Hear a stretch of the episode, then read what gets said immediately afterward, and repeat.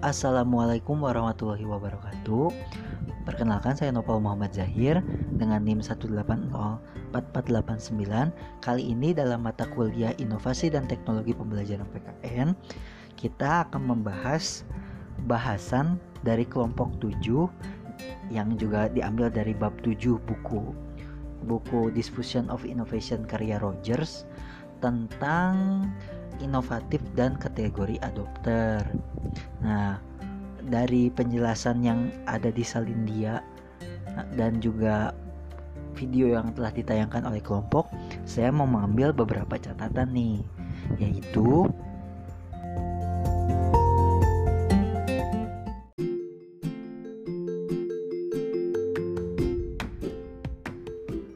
Nah, Kategori adopter adalah klasifikasi anggota sistem sosial atas dasar inovasi, sejauh mana seseorang atau unit adopsi lainnya relatif lebih awal dalam mengadopsi ide baru daripada anggota lain dari sistem. Berbagai sistem, kategorisasi, dan judul untuk pengadopsi telah digunakan dalam penelitian masa lalu. Bab ini nih menjelaskan atau menunjukkan kepada kita set standar kategori adopter yang diikuti secara luas pada hari hari-hari ini. Nah, distribusi adopter cenderung mengikuti kurva berbentuk S sepanjang waktu dan untuk mendekati normalitas.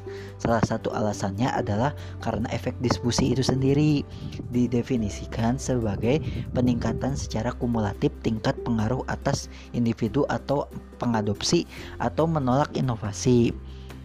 Nah, yang dihasilkan dari aktivitas jaringan rekan tentang inovasi dan sistem sosial dapat mempengaruhi ataupun um, mengganggu dari tingkat peningkatan pengetahuan dan adopsi atau penolakan dari inovasi eh, dalam sistem itu sendiri. Nah, akhirnya kategori adopter memiliki perilaku komunikasi yang berbeda. Ada pengadopsi yang sebelumnya memiliki banyak partisipasi sosial, lebih sangat berhubungan dengan sistem sosial atau lebih kosmopolitan, memiliki lebih banyak kontak agen perubahan, paparan yang lebih besar terhadap saluran media massa, paparan yang lebih besar terhadap saluran komunikasi intrapersonal, terlibat dalam mencari informasi yang lebih aktif atau memiliki pengetahuan yang besar tentang inovasi. Ada pula yang tingkat kepemimpinan dan opininya lebih tinggi dan yang terakhir lebih mungkin milik sistem yang saling berhubungan. Jadi uh, pada akhirnya nih uh, nyimpulin bahwa dari penelitian yang sebelum-sebelumnya ini dapat diambil kesimpulan bahwa ada nih petunjuk atau hal yang menunjukkan bahwa perbedaan penting antara orang yang awal sebagai pengadopsi inovasi dan orang yang baru-baru Eh, sebagai pengadopsi inovasi itu ada tiga hal yang membedakan. Pertama, status sosioekonomi. Yang kedua, variabel kepribadian. Yang dan yang ketiga adalah perilaku komunikasi itu sendiri. Mungkin sekian pandangannya ataupun uh, review dari bab uh, tujuh ini yang dapat saya mengerti dan dapat saya sampaikan. Uh, selanjutnya adalah pertanyaan.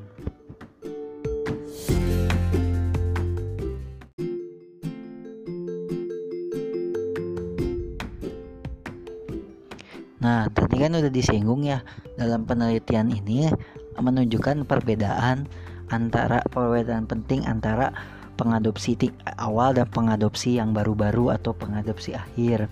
Nah, salah satunya adalah uh, ini adalah perilaku komunikasi. Nah, di sini di karakteristik pengadopsi inovasi uh, ada beberapa hal yang uh, saya kurang mengerti mengenai perilaku komunikasi.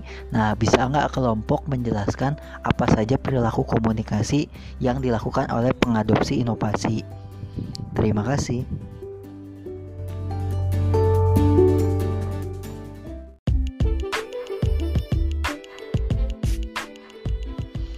Pada akhirnya, cukup sekian yang bisa saya sampaikan dan juga uh, pertanyaan yang saya utarakan.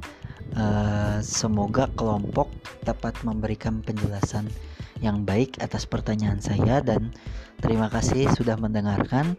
Saya Nopal Muhammad Zahir pamit undur diri. Wassalamualaikum warahmatullahi wabarakatuh.